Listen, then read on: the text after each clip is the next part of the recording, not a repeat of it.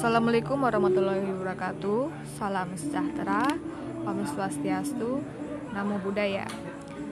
Selamat pagi, selamat malam, selamat sore, dan selamat siang untuk kalian di mana pun berada. Untuk para pendengar, jika ada yang ngedengerin ya. Sebelumnya perkenalkan, sini saya Marfa dari sastra Inggris Unsut angkatan sekian. Dan ini adalah Semprot Podcast. Kenapa dinamain Semprot Podcast? Dengan harapannya uh, kami cepat semprot. Ya, jadi di sini nanti ada bakal ada dua orang insya Allah dan akan di update setiap minggu atau bulannya terserah kita sesuai mood kita. Ya, lanjut aja ya. Sekarang saat ini saya lagi dengan saya lagi dengan saya bersama dengan rekan saya. Ya silakan Pak perkenalan diri aja langsung. Oke terima kasih buat waktunya saudari iya. Marfa sahabat saya sahabat yang luar biasa. Wah. Perkenalkan nama saya Muhammad Rafiq Kulindua. Saya dari budidaya perairan FPIK Unsud angkatan sekian kita mau ngapain nih? Ngobrol ringan-ringan aja kali ya. Boleh. Tapi sebelumnya mohon maaf nih karena karena kondisi dan tempat dekat jalan raya juga. Jadi mungkin bakal ada disrupsi disrupsi suara. Gak apa-apa lah ya ini apa adanya. Mahasiswa banget gitu kan. Siap. Mau bahas apa nih, Kak? Kuliah boleh kuliah boleh organisasi boleh politik boleh. Wah berat politik. Oh, pokoknya seenaknya aja yang kira-kira dibutuhkan aja. Kita siap untuk menjawabnya. Hmm, gimana kalau bahas kuliah-kuliah dulu nih? Kan boleh. kan kita udah semester sekian ya semester fit gitu. Pasti udah pengalaman lah baik kuliah organisasi apalagi ya? Relasi mungkin ya. Yeah. dan lain-lain gitu komunitas hobi gitu. Hmm, ini buat khusus buat mungkin uh, buat maba atau adik-adik tingkat kita ya yang di pertengahan. Mereka apa masih yang masih semangat semangatnya kuliah atau yang masih cari-cari pengalaman nih. Nah hmm, kebetulan yang di depan saya ini udah punya banyak pengalaman organisasi kepanitiaan dan lain-lain. Pokoknya udah apa ya udah semuanya dile dilewati lah ya gitu. Terus gimana nih pak pengalaman uh, selama berkegiatan di organisasi di kepanitiaan dan lain-lain? Itu kan nyangkutin sama skill apa sih yang perlu ditingkatin yang perlu dikembangin saat seorang manusia kuliah kemudian yang disebut sebagai mahasiswa. Apa sih nggak jelas ya? Sekalian aja. Oke terima kasih. Pertanyaannya sangat bagus sekali ya. Sangat runtut dari mulai Siap. tentang kuliah akademik ya. Terus lanjut ke organisasi. Ya memang karena sebetulnya kita masuk ke unsur lebih dahulu daripada teman-teman di sini yang mungkin masih angkatan di bawah kita. Tapi di sini kita sedikit sharing aja sih. Pertama kita mau membahas tentang dunia kampus ya. Kalau iya. berdasarkan pengalaman saya pribadi ini ya di jurusan saya budidaya perairan FPIK Unsud ya kegiatan akademik dari mulai semester 1 hingga semester 7 ya ketahuan semester berapa sekarang oh iya semester deh. Ya nggak apa-apa deh. Itu emang ya penuh lika-liku dan rintangan. Khususnya berkaitan dengan praktikum laporan terus absensi yang bolos banyak sekali. Ya, itu tidak terlepas juga dari pertanyaan yang kedua antara benturan dengan kegiatan organisasi benturan dengan kegiatan kompetisi. Banyak hal lah yang memang sebetulnya tetap kita perjuangkan karena tujuan kita awal masuk juga kuliah. Dari mulai semester 1 mungkin menginjak semester 2 kurang begitu sibuk ya karena pelajaran dan mata kuliahnya Mata masih kuliah. umum. Biasanya mengulas tentang pembahasan SMA yang dulu dan ya sedikit menyinggung ke arah jurusan kita. Namun setelah semester 3, 4, 5 itu sudah mulai mengarah ke spesifikasi pengetahuan. Dan pada akhirnya di semester yang kesekian ini ya kita lebih matang tentunya di jurusan kita dan bagaimana kita bisa menyusun tugas akhir nantinya yang berhubungan dengan jurusan kita. Itu untuk masalah akademik lah ya. Tapi yang pasti yang saya ingin berikan atau saya sarankan kepada teman-teman di sini tetap optimis tetap semangat. Jangan sampai semua kegiatan di luar akademik itu mengganggu. Justru itu sebagai bumbu lah untuk semakin mewarnai Kehidupan kegiatan ya kalian. kegiatan akademik kalian Ya. itu ya jalani apa yang jadi tujuan kalian masuk ke universitas yaitu belajar serta diimbangi dengan pengembangan diri kalian di kegiatan yang lain selain akademik. Terus melanjutkan pertanyaan yang kedua ya, pembahasan tentang organisasi. Pada awalnya saya secara pribadi memang ya bisa dibilang antusias gitu sama yang namanya organisasi. Bahkan di tahun pertama saya masuk kuliah saja saya langsung mengikuti dua organisasi sekaligus. Saya kira lima. Karena antusias. Nah, karena memang hal itu masih uji coba jadi memang perlu adaptasi lah kalau di jurusan saya namanya aklimatisasi nah dua organisasi itu sebenarnya sudah membuat kita repot karena memang banyak pressure tekanan yang Pressure. diberikan ya dari atasan senior untuk menyelesaikan sebuah tanggung jawab dan juga menyelesaikan tugas-tugas dari dosen. Tapi dari dua organisasi yang saya ikuti di awal tahun pertama saya masuk kuliah memang benar-benar memberikan saya pengalaman ya. Memberikan saya pelajaran bagaimana kemudian tahun berikutnya bisa lebih teratur lagi, bisa lebih baik lagi lah. Terus selanjutnya di tahun kedua saya mencoba memberanikan diri Untuk untuk mengikuti organisasi baik itu di tingkat jurusan, tingkat fakultas maupun tingkat universitas. wow. Wow. Di tahun kedua itu yang saya ingat saya mengikuti tiga organisasi sekaligus. Apa aja tuh? Coba sebutin. Yang pertama saya mengikuti HIMA, Lima. HIMA jurusan saya, HIMA KUA namanya, Himpunan Mahasiswa Kan terus ada agama. Terus selanjutnya ada BEM Unsud tahun 2017 Kabinet Roller Coaster dan juga UKM Universitas Usman atau Unit Kegiatan Mahasiswa Seni Islam dan Al-Quran tingkat universitas. Beragam ya, Pak?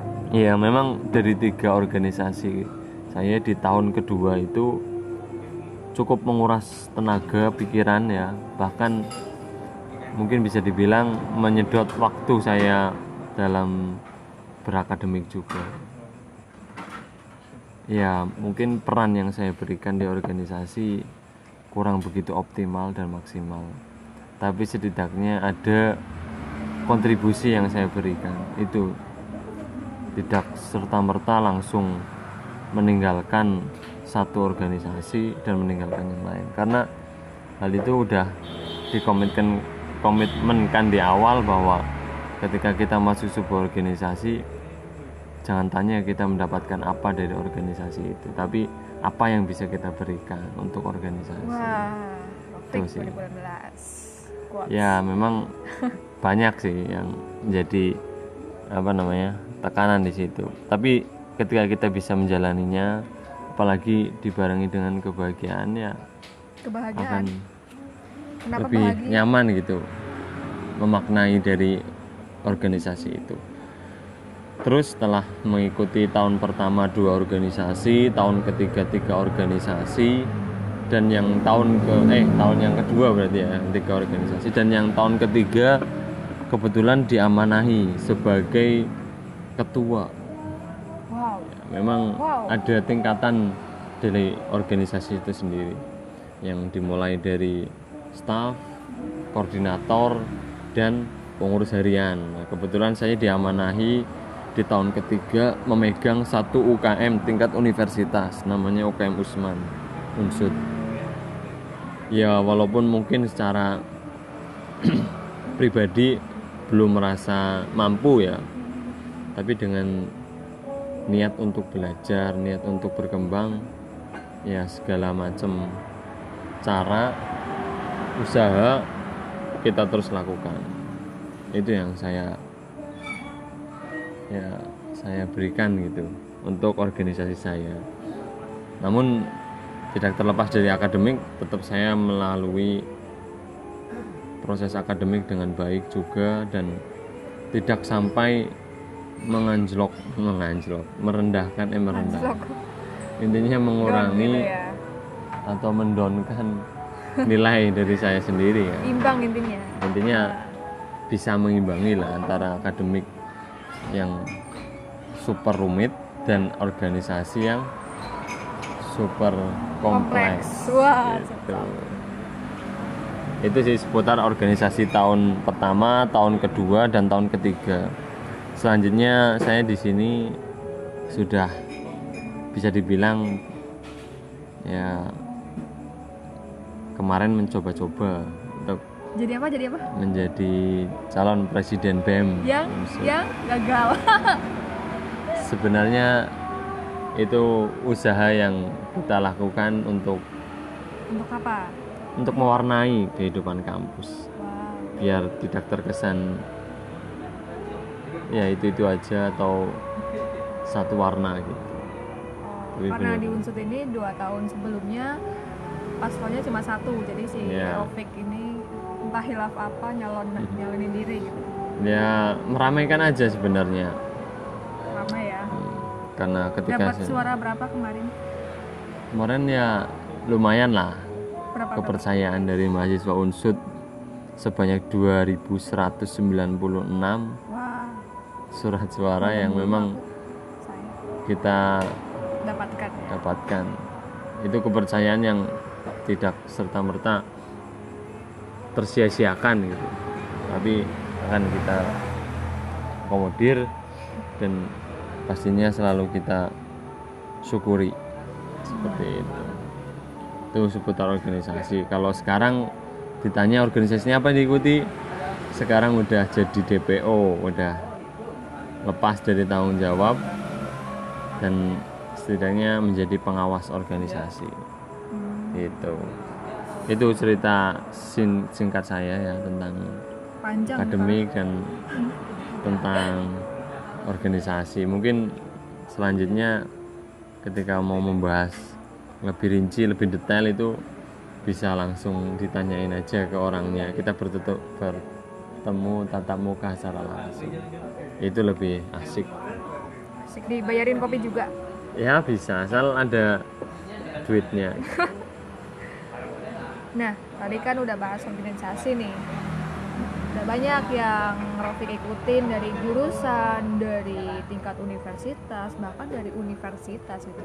Nah, yang jadi pertanyaan nih, sebagaimana penting sih kita jadi mahasiswa itu berorganisasi? Ini kan kayak pertanyaan klasik banget gitu ya, kayak pas dari awal tentu kita klasik banget lah di mana-mana ada dari dulu gitu kalau kalau menurut Rofik sendiri pentingnya organisasi di kampus itu apa gitu?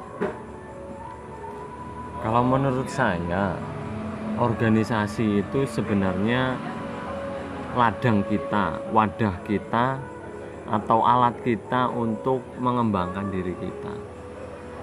Tidak banyak sebenarnya ketika kita mengikuti organisasi, tapi di situ kita cuma numpang nama saja, nggak ada yang kita dapatkan. Tapi ketika kita mengikuti organisasi dan kita berproses dengan optimal, dengan maksimal, pasti banyak pelajaran yang kita dapatkan. Kalau ditanya pentingnya organisasi untuk kehidupan selanjutnya, tentu sangat penting karena kehidupan selanjutnya kehidupan selanjutnya tidak Alam jauh barzah. dengan bukan bukan dalam barzah. Kehidupan selanjutnya yang saya maksudkan di sini adalah dunia kerja, dunia masyarakat. oh ya siap di masyarakat perlu sebuah skill ya yang memang bisa membuat kita paham dan peka tentang kemajemukan Mhm. di dunia kerja juga. Nah itu kita dapatkan di organisasi dari mulai orang-orang yang berperan di organisasi lintas jurusan, lintas fakultas, lintas agama juga itu membuat kita sadar dan mengerti gitu bagaimana selanjutnya kita bisa lebih paham dan lebih siap untuk menjalani dunia kerja atau dunia masyarakat tadi yang saya maksud. Ya bukan tidak mungkin kan nanti kita bermasyarakat terus berada di dunia kerja akan ditemui orang-orang baru orang-orang yang memiliki perbedaan dengan kita memiliki ya kepribadian yang kita tidak tahu gimana gimananya. Ya kita perlu memahami mereka. Nah itu kita dapatkan mulai dari kita belajar di organisasi. Terus juga untuk kemampuan secara personal kita mampu menyelesaikan sebuah persoalan masalah memanage waktu dari kegiatan akademik dan kegiatan organisasi. Terus juga kita mendapatkan relasi atau pertemanan yang nantinya itu menjadi aset kita di masa yang akan datang. Itu yang saya garis bawahi yang membuat organisasi itu penting buat kita seperti itu. Hmm, sebagai ladang gitu ya buat kita belajar buat latihan. Meskipun pada nyatanya mungkin uh, dunia kerja atau dunia masyarakat itu lebih itu ya lebih kompleks ya. Ini hanya sebagai latihan awal banget sebenarnya ya organisasi itu. Iya betul. Latihan awal. Nah, eh, dari pemilihan organisasi nih, pasti kan kita nggak semuanya kita bisa ikutin atau berdasarkan kesukaan atau minat pada kita kita aja nih gitu. Menurut saudara Rofik sendiri nih, gimana sih kiat-kiat cara milih organisasi yang cocok untuk kita gitu? Kan? Misal ada mahasiswa yang terlalu idealis ya harus ini itu harus organisasi ini. Kalau misal nggak cocok sama sistemnya mereka keluar. Atau kalau misal udah di tengah-tengah proses terus mereka merasa nggak cocok itu gimana? Baiknya itu keluar atau tetap berproses pro- berproses di situ Oke, pertanyaannya bagus sekali ya tentang organisasi. Bagaimana kita memilih dan menentukan organisasi mana yang sesuai dengan diri kita, passion kita di mana, klasifikasi jurusan yang memang ada di unsur khususnya ya karena kita mahasiswa unsur, ya memang banyak. Berbagai jenis organisasi, komunitas, UKM dan lain sebagainya sebenarnya yang saya pengen kasih tahu ya tentang pemilihan eh pemilihan tentang tips bagaimana cara memilihnya. Yang pertama adalah tujuan kita mengikuti organisasi. Organisasi itu sebenarnya sama polanya itu sama. Polanya sama. Nah kita di situ ketika mau masuk organisasi yang pertama itu kita tujuannya mau ngapain mau mengembangkan bakat kah? Mau belajar tentang kepemimpinan kah? Mau belajar tentang keterampilan kah? Intinya tergantung diri kita mau ngapain kita di organisasi itu. Itu yang pertama. Tujuan kita harus jelas. Karena ketika nanti kita berproses dan menemui sebagai apa sebuah permasalahan atau apa yang menjadi dasar kita untuk bertahan adalah tujuan kita awal. Nah, ketika kita udah memilih tujuan tuh sesuai dengan organisasi kita tinggal menyeleksi saja tujuannya apa. Yang saya tadi katakan polanya sama ya sama karena pertama organisasi itu bergerak di bidang bakat. Kedua bergerak di bidang pengembangan soft skill bergerak di pengembangan tentang kepribadian kita. Tentang misal kalau kita ambil contoh tentang keolahragaan maksudnya minat dan bakat. Pengembangan soft skill tentang keterampilan keilmiahan dan tentang kepemimpinan. Terus yang tentang kepribadian kita berhubungan dengan kerohanian kita berhubungan dengan jiwa kita. Jiwa wah. Intinya itu. Itu yang saya paham. Makanya saya bilang polanya sama karena ya nggak jauh beda cuma beda di itu ya polanya sama. Intinya untuk mengembangkan soft skill mengembangkan kualitas diri. kita dan mengembangkan keterampilan kita. Selanjutnya, ketika kalian sudah menentukan tujuan, saya juga ingin memberikan tips bahwa organisasi yang harus kita ikuti itu organisasi yang memang di situ kita mendapatkan pengalaman dan pelajaran yang lebih. Biasanya itu kita peroleh di organisasi yang memang sedang berkembang pesat ya berkembang atau merintis dari nol sampai kejayaannya mungkin seperti itu. Karena memang ketika kita berada di organisasi yang memang sedang merintis sedang berjuang itu seolah kita eh, atmosfer atau kitanya sendiri dalam memaknai organisasi itu lebih dalam dibandingkan kita mengikuti organisasi yang sudah bertengger di puncak kejayaannya. Itu kita kurang banget belajar di situ karena semuanya ya kita ibaratnya tinggal duduk di meja makan sudah ada yang menyiapkan.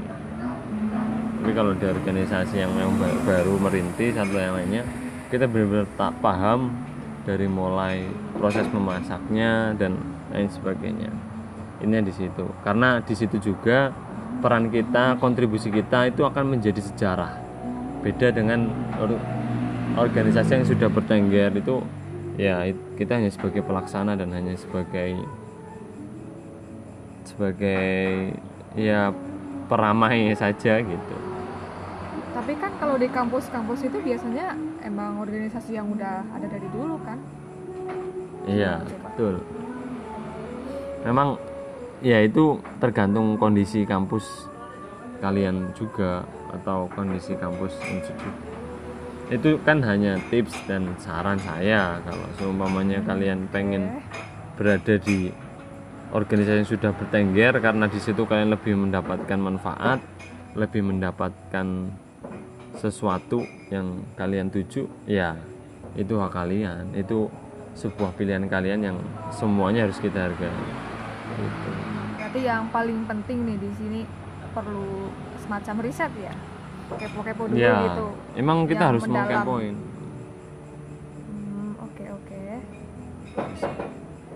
Masa iya kita mengikuti organisasi, tapi kita kitanya sendiri nggak tahu organisasi itu arah geraknya ke mana, organisasi itu tujuannya ke mana itu, ya kitanya sendiri jadi nggak jelas. Gitu tapi banyak juga loh yang misal aku ikut ini kenapa? gitu. Iseng-iseng aja kepengen penasaran gitu. Tapi beberapa juga banyak yang nyaman terus beberapa juga tapi ada yang perlahan hilang gitu. Ya kembali lagi ketika kita tujuannya untuk coba-coba ya pastinya dalam menghadapi prosesnya nanti juga kurang kuat gitu makanya saya tadi bilang bahwa komitmen awal kita tujuan awal kita itu menjadi dasar untuk bertahan ketika nanti menjalani setengah kepengurusan atau setengah organisasi setengah masa yang organisasi kita ikuti. Itu menjadi apa ya tumpuan kita lah atau acuan kita pengingat kita ya tujuan awal kita. Kalau coba-coba ya saya pastikan ketika ada mahasiswa yang cuma coba-coba tidak niat secara ikhlas dan niat secara itu ya akan terseleksi alam sendiri. Gitu. itu udah jadi rumus. Gitu. Terus nih enak gak enaknya ikut organisasi tuh gimana aja sih? Pernah gak sih misal ikut organisasi yang gimana ya yang bisa dikatakan kurang cocok atau kurang sejalan atau konflik apa sih yang biasanya ada di organisasi gitu? Terus gimana cara kamu nyikapinya gitu? Oke pertanyaan bagus lagi nih tentang organisasi yang kita ikuti ya. Itu gimana ya tadi? Enak gak enaknya? Enaknya. Minus, kalau organisasi itu ya enaknya kita bisa mendapatkan relasi mendapatkan pelajaran mendapatkan pengalaman mendapatkan wawasan. Jadi organisasi itu adalah benda yang tidak bisa bergerak. Itu hanya sebuah ruang lingkup lah yang menjadi tempat kita untuk berproses. Kesenangan kita ya akan kita dapatkan mungkin tidak secara langsung tapi secara keberlanjutan nantinya. Terus kalau bisa kalau ditanya tentang kekurangan ya atau apa namanya keenggak enakannya ya. Keenggak enakannya organisasi ya itu. Kita harus berkorban waktu. Iya. berkorban untuk menyisihkan waktu entah itu istirahat kita entah itu waktu, waktu akademik kita waktu belajar kita untuk kepentingan organisasi. Itu udah jadi hal yang totalitas kita harus berikan untuk organisasi gitu. Terus ditanya lagi tentang konflik mungkin ya konflik, konflik yang biasa ya misal di organisasi organisasi. Organisasi yang dihadapi misal kita nggak cocok. Ya mau kita paksain bagaimanapun ketika memang kita udah nggak serak nggak cocok dengan organisasi itu ya kita ambil jalan terbaiknya untuk kepentingan kita. Karena mengikuti organisasi itu bukan sebuah kewajiban tapi sebuah anjuran. Dan di situ kita nggak punya kuasa untuk harus tetap di situ gitu. Cukuplah kita ikuti ketika kita tidak merasa nyaman dan lain sebagainya ya cukup saja. Kita bisa berproses di tempat yang lain. Yang penting jangan memaksakan karena yang dipaksa itu nggak enak. Wah cocok nih yang paling penting banget. Jadi kegiatan kuliah lah akademik lah organisasi pastikan yang paling penting itu manajemen waktu. Itu pasti susah banget. Nggak apa ya kalau saya sendiri nih sampai semester sekarang aja kadang masih suka keteteran gitu masih masih kurang imbang lah ini ini gitu.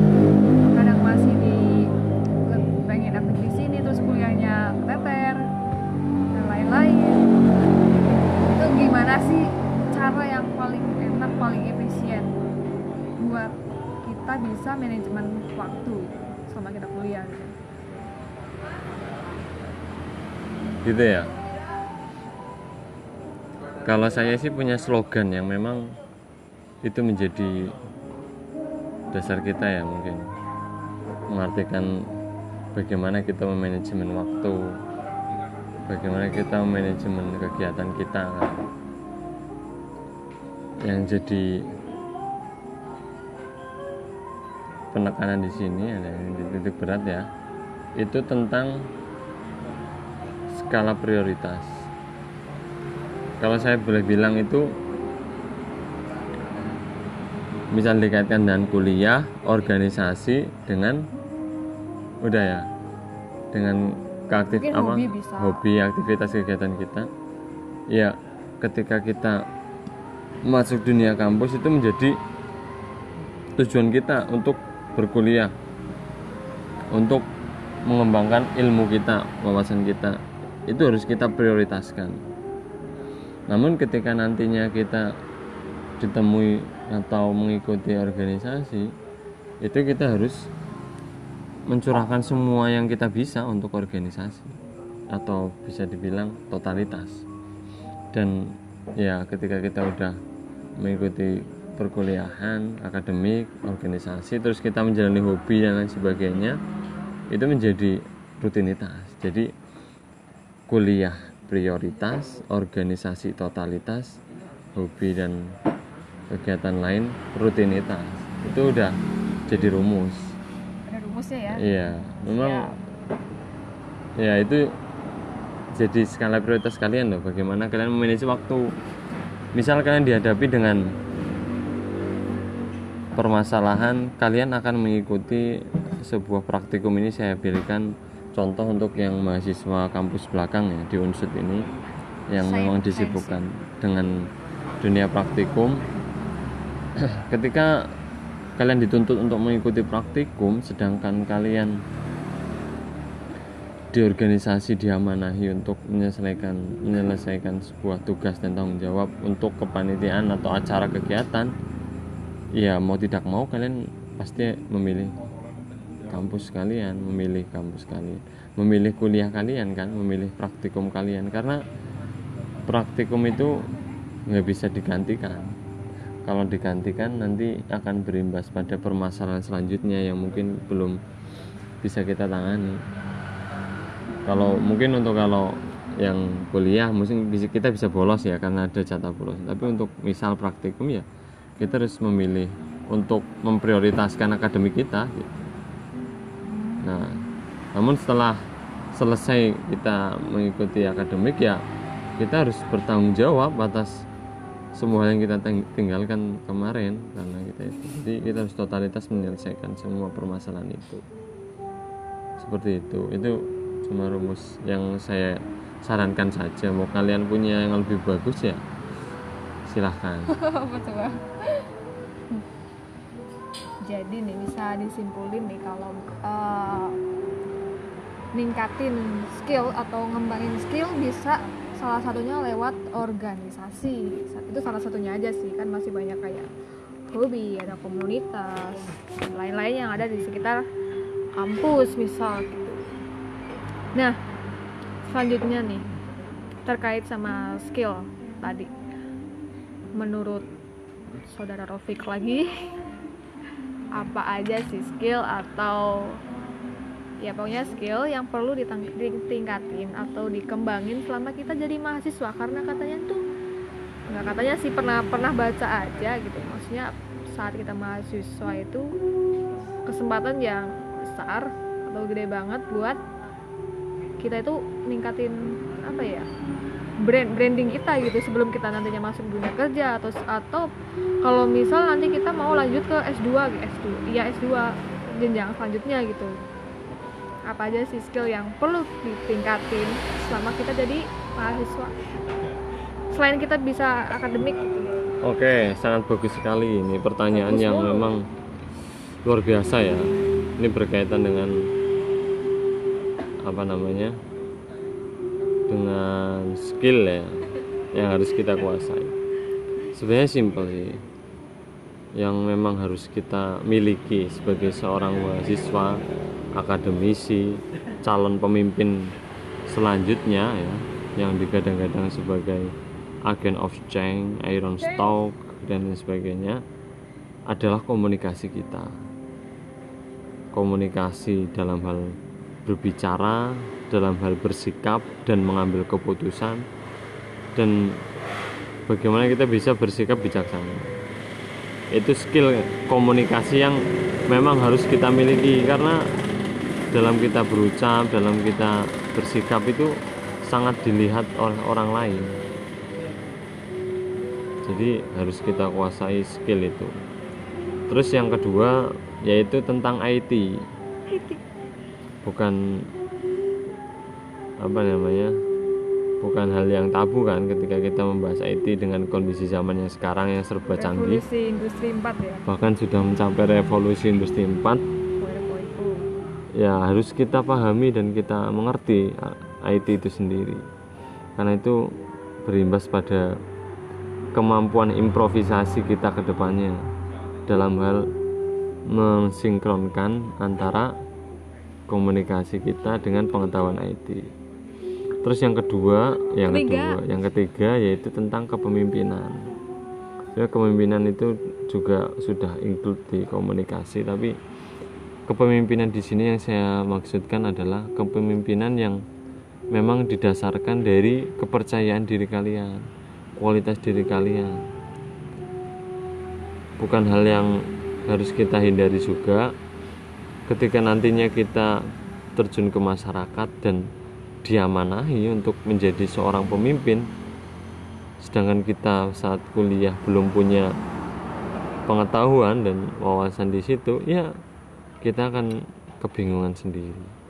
Merasa belum siap dan akhirnya menolak gitu. Padahal kita udah digadang-gadang kan. Mungkin punya potensi gitu ya. Iya, potensi yang kita dulu miliki nggak dikembangin, jadinya seperti itu. Yaitu tiga yang memang menjadi apa tujuan skill yang bisa kita dapatkan di organisasi dan harus kita peroleh seperti itu. berarti minimal nih yang tadi yang tentang kepemimpinan minimal bisa mimpin diri sendiri dulu ya gitu ya Iya betul sekali. Memimpin diri sendiri dan memimpin orang lain. Terus terus. Apalagi ya ngomongin apa? Kayaknya udah nih, udah cukup dari pembahasan kuliah. Mungkin kita bisa lanjutkan di segmen berikutnya atau di edisi berikutnya kan bisa. ya berarti saat ini kita mostly ya bahasnya tentang organisasi. Niatnya sih mau random tapi jadi organisasi. Nggak apa-apa sih ya Ya mungkin besok kita bisa sharing lagi tentang dunia kampus. Baik itu di tingkat jurusan, fakultas maupun bisa bisa usul ya kak? Bisa usul? Bisa bisa. Kita ya melihat politik baik itu skala atau buat yang mau ngasih saran masukan silakan. Ya. kalau misal omongan atau pembicaraan kita oh percakapan bosenin kita ya nggak jelas. Bosenin gak jelas ya itu emang udah tampol aja. Udah jadi nilai kekurangan dari kita sendiri. Ya memang karena kesempurnaan hanya milik Allah subhanahu wa ta'ala. Itu sebenarnya alibi buat kita menghindar sih dari penuduhan kesalahan. Ya seperti itu. Pokoknya kalau kalian punya saran itu yang bisa membangun buat kita ya yang mau aja sampai kita siap menerima Iya, kebetulan juga ini sekarang udah menit ke 39 OTW berarti OTW 40 Jadi mungkin dicukupkan aja ya sampai sini dulu Biar nggak muter-muter bahasanya ke mana. Jadi, Terima kasih telah mendengarkan Semprot Podcast. Dengan harapan kita sempat. Semprot Amin. Ya, terima kasih banyak. Ditunggu saran-sarannya dan pertanyaannya silakan. Terima kasih sekali. Buat teman saya juga Rofik yang udah ngejelasin panjang lebar banget tentang organisasi. Lain kali kita bakal bahas apa? Ya pokoknya selanjutnya lah. pantengin aja Ya, ya. terima kasih banyak.